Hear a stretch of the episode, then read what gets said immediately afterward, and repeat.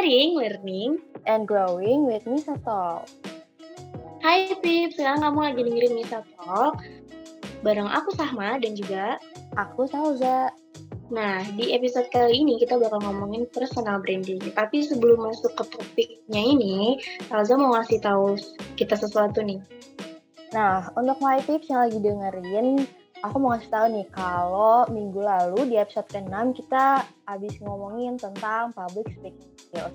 Dan untuk my tips yang pengen tahu gimana cara uh, mengimprove public speaking skill kalian atau pengen tahu gimana sih tips and trick uh, untuk bisa uh, mengimprove public speaking skill, skills kalian, boleh banget dengerin episode nama kemarin karena kita habis bahas dengan seseorang yang expert banget dalam dunia public speaking. Tahu jangan lupa untuk dengerin ya. Nah, di episode kali ini kita juga pastinya nggak berdua doang, kita ditemenin sama bintang tamu yang uh, expert juga dan pastinya udah berhasil ngebentuk personal brandingnya. Ada Kak Hasna dari pemimpin.id sebagai media manager. Halo Kak Hasna. Halo Kak Hasna. Halo Salza dan Sahma. Apa kabar nih Kak? Oke, okay, all good ya. Uh, ini baik banget kabarnya dan senang banget nih diundang di kegiatan Misatok pada sore hari ini. Kak Hasna lagi sibuk apa nih Kak? Waduh, kalau ditanya sibuknya ya. sibuk uh, kalau di pemimpin sih kita lagi sibuk uh, nge, uh, mau bikin acara tahunan kita namanya Lead the hmm. Fest. Uh, jadi lagi sibuk ngesiapin mempersiapkan uh, acara Lead the Fest biar makin keren daripada tahun sebelumnya. Hmm. Dan kalau kesibukan pribadi sih lebih ke self development aja ya. Jadi kayak gimana uh, lebih semangat lagi semangat semangatnya untuk memperbaiki diri dan juga hmm. self improvement aja. Wah keren banget sih kak. uh, sebelumnya kita mau ngucapin thank you kak sudah meluangkan waktunya untuk uh, mau diundang di Misa Talk karena ya tadi kayak kak Kasa banyak kesibukan. Jadi kita thank you juga loh teman-teman Misa so Talk mau sharing, ajak sharing-sharing juga. Nah, Kak, berhubung dengan topik kita pada episode kali ini, Kak, tentang personal branding. Sebelum tag podcast tuh aku sama Salza uh, masih eh, lagi ngomongin gitu kalau kita kayak masih bingung gitu apa sih yang dimaksud personal branding. Nah, kalau menurut Kak Hasna sendiri nih Kak, personal branding itu uh, apa sih Kak? Oke, okay, personal branding ya. Sekarang tuh lagi hype banget gitu ya kayaknya apalagi pas pandemi ini ya kayak iya, bangun personal branding, iya nggak sih? Uh, iya benar uh, benar banget. Uh, apalagi awareness orang kan sekarang semakin tinggi ya terkait personal branding. Hmm. Apalagi sekarang dunia udah serba sosmed. Covid pun membuat semua orang jadi aware ya sama dunia hmm. digital. Hmm. Tapi mungkin uh, uh, kalau kalau kita mau ngelihat uh, secara lebih singkat kayak gitu sebenarnya personal branding itu bisa kita lihat dari arti katanya dulu nih teman-teman sama ataupun salza. Hmm. Yang pertama uh, ada kata branding ya. Branding itu kan berasal dari kata brand nih. Nah, brand itu kan sebenarnya tujuannya apa sih? Dari awal brand itu tercipta, brand itu kan tujuannya untuk membedakan, ya kan?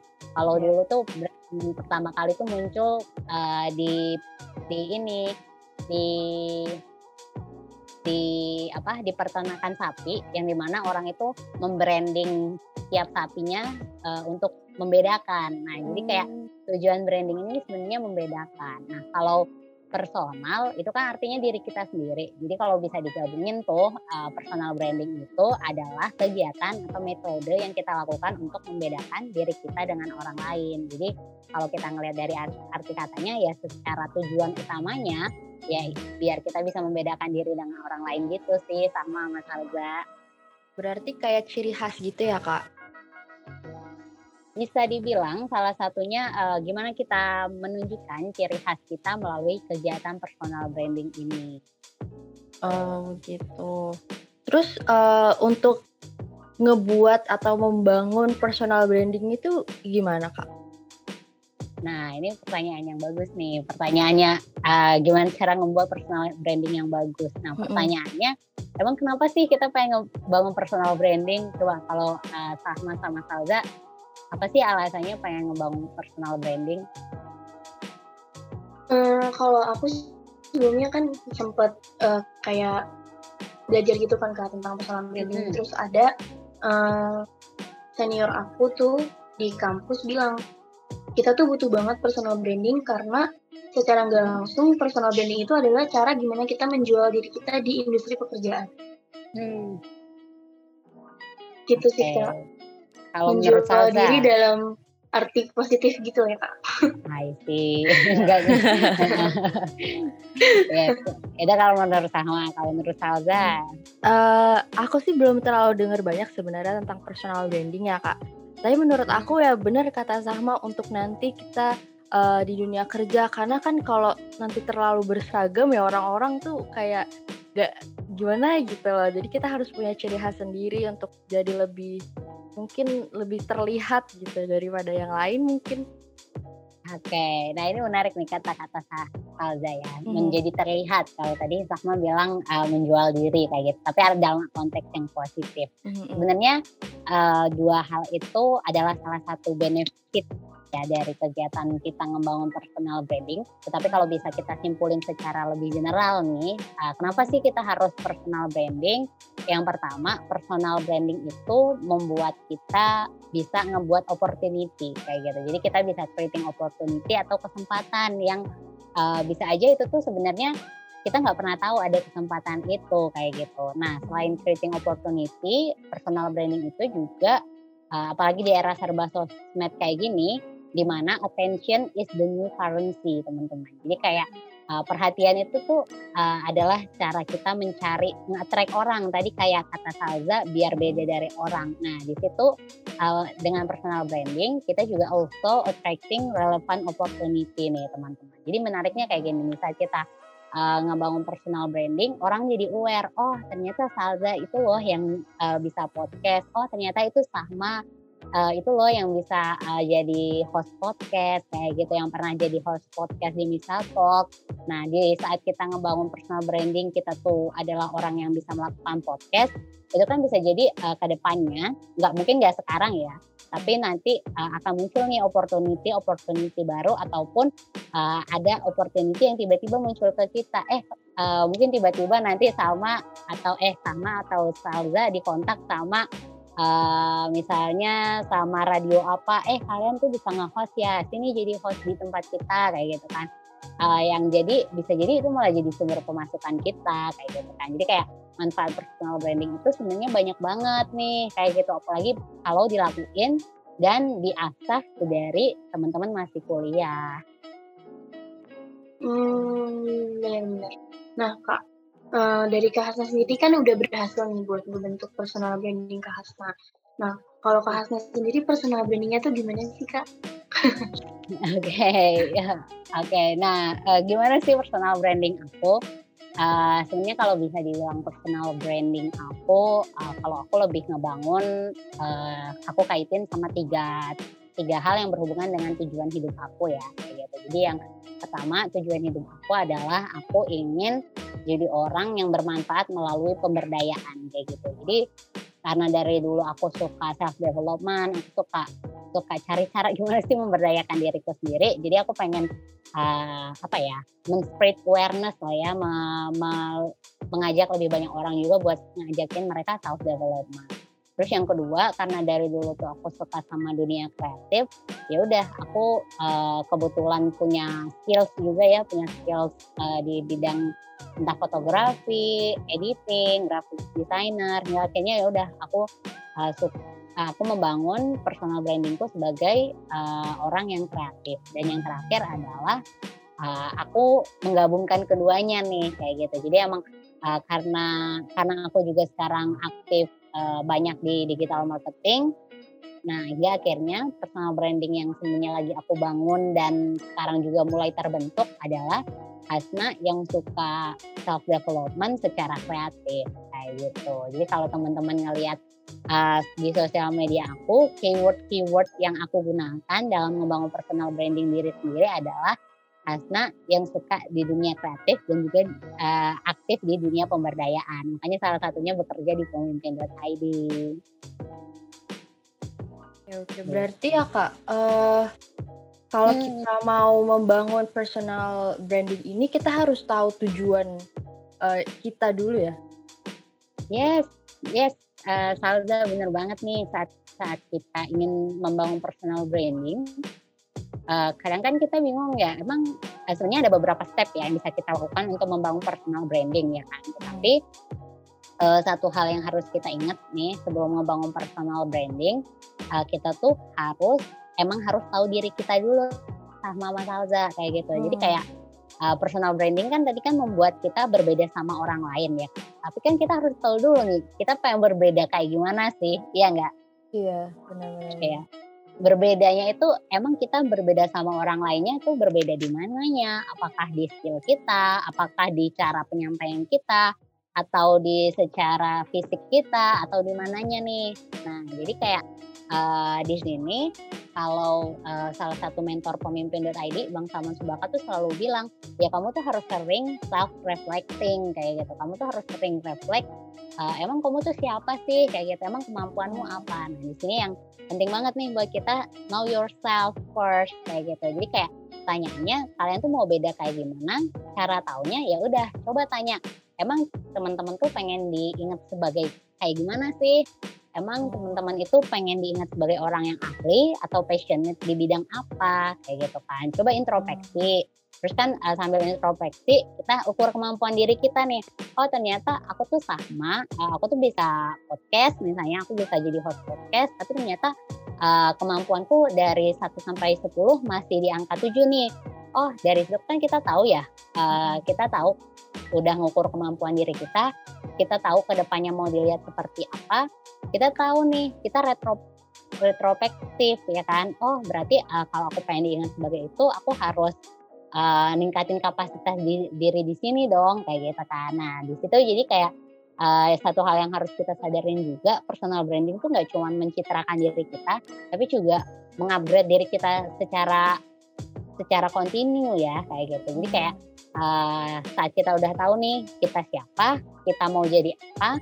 Nah itu kan ada gap ya, ada gap uh, kita tuh mau jadi kayak Bill Gates misalnya. Tapi sekarang kondisi kita tuh masih di titik kalau 1 sampai 100 satu itu kita, 100 itu Bill Gates, berarti kan masih ada 99 yang kosong nih gapnya, analis gapnya kan. Nah itu kan artinya, nah di situ kita harus mengasah dan mengupgrade kapasitas diri kita kayak gitu. Jadi uh, that uh, personal brand personal branding itu perjalanan juga kayak gitu. Jadi kayak uh, that's true kalau kita harus tahu tujuan kita dan lebih baik lagi kalau kita juga udah tahu diri kita sehingga kita tahu oh aku pengen ke sini dan aku harus ngapain tuh udah tahu. Mulai kebayang ya? Um, berarti kalau personal branding itu mau disesuaikan dulu dengan diri kita sendiri ya kak kayak kita minatnya ke mana terus sanggupnya gimana dan baru dibentuk Oh iya, tentu aja kayak gitu saja kan kita kan pengen ngebangun branding diri kita kan, bukan pengen ngebangun branding orang lain. Jadi kayak hmm. uh, saat kita saat kita nggak apa saat kita nggak ngebangun diri kita terus kita pengen ngebangun branding siapa dong kayak gitu kan saat bukan hmm. saat bukan kita yang menentukan kita pengen dikenal sebagai apa berarti orang bebas dong menentukan kita siapa nah makanya penting banget kita ngenalin diri kita biar kita tahu kita pengen dikenal sebagai apa dan tinggal kita bangun nih step-stepnya habis itu. Hmm, okay, hmm. Tadi uh, Kak Hasna kan di awal udah bilang kalau misalkan benefit dari kita ngebangun personal branding itu bisa ngundang opportunity di dunia industri pekerjaan. Nah selain itu ada lagi nggak sih Kak kalau misalkan kita udah berhasil nge-build personal branding kita, benefit yang bisa kita dapetin? Okay. uh, eh, sebenarnya uh, tujuan kita ngebangun personal branding itu kan emang biar kita diinget ya sama orang lain. Oh itu loh Hasna uh, yang uh, dia tuh suka sama dunia kreatif, dia tuh uh, suka sama uh, self development kayak gitu kan, dan dia sering sharing tentang kedua hal itu kayak gitu kan. Either one thing is personal branding ya kan. Nah itu kan uh, emang opportunity ya kayak gitu tetapi mm -hmm. uh, mungkin kalau sekarang kalau dalam kurun waktu tertentu uh, dia opportunity-nya cuma terlihat uh, sedikit atau kecil kayak gitu kan tapi nextnya opportunity itu bisa berkembang kayak gitu entah nggak cuma pekerjaan tapi juga misalnya project ataupun kegiatan-kegiatan uh, lainnya yang berhubungan sama personal branding yang kita bangun kayak gitu. Mm. Uh, tapi kak kadang tuh kita mau apa ya tahu tujuan kita aja tuh suka masih bingung gak sih kak? Apalagi di iya, iya. umur-umur masih apa ya masih labil kayak gini 20 awal kita bahkan masih nggak tahu mau jadi hmm, apa. jadi kita mau ngebangun personal branding juga kayaknya masih sulit gitu karena masih ya di tengah-tengah gitu kayak pengen semua dicoba gitu nah untuk um, Kak Hasna bisa dong kasih kita tips uh, biar kita tuh semangat terus percaya diri tahu apa tujuan hmm. kita dan gak terpengaruh apa pun nih saat kita mau uh, ngebentuk personal branding kita. Oke, okay. uh, oke. Okay. btw ini lagi pengen azan di tempatku. Oh, uh, kita hold bentar ya, soalnya okay, gede okay. gitu. Oh, boleh, boleh. Oke okay, ya. Hmm. Boleh kak. Okay. Okay, Tanyanya aku, aku catat dulu ya. Boleh. Kak, aku mute dulu ya kak. Oke. Okay.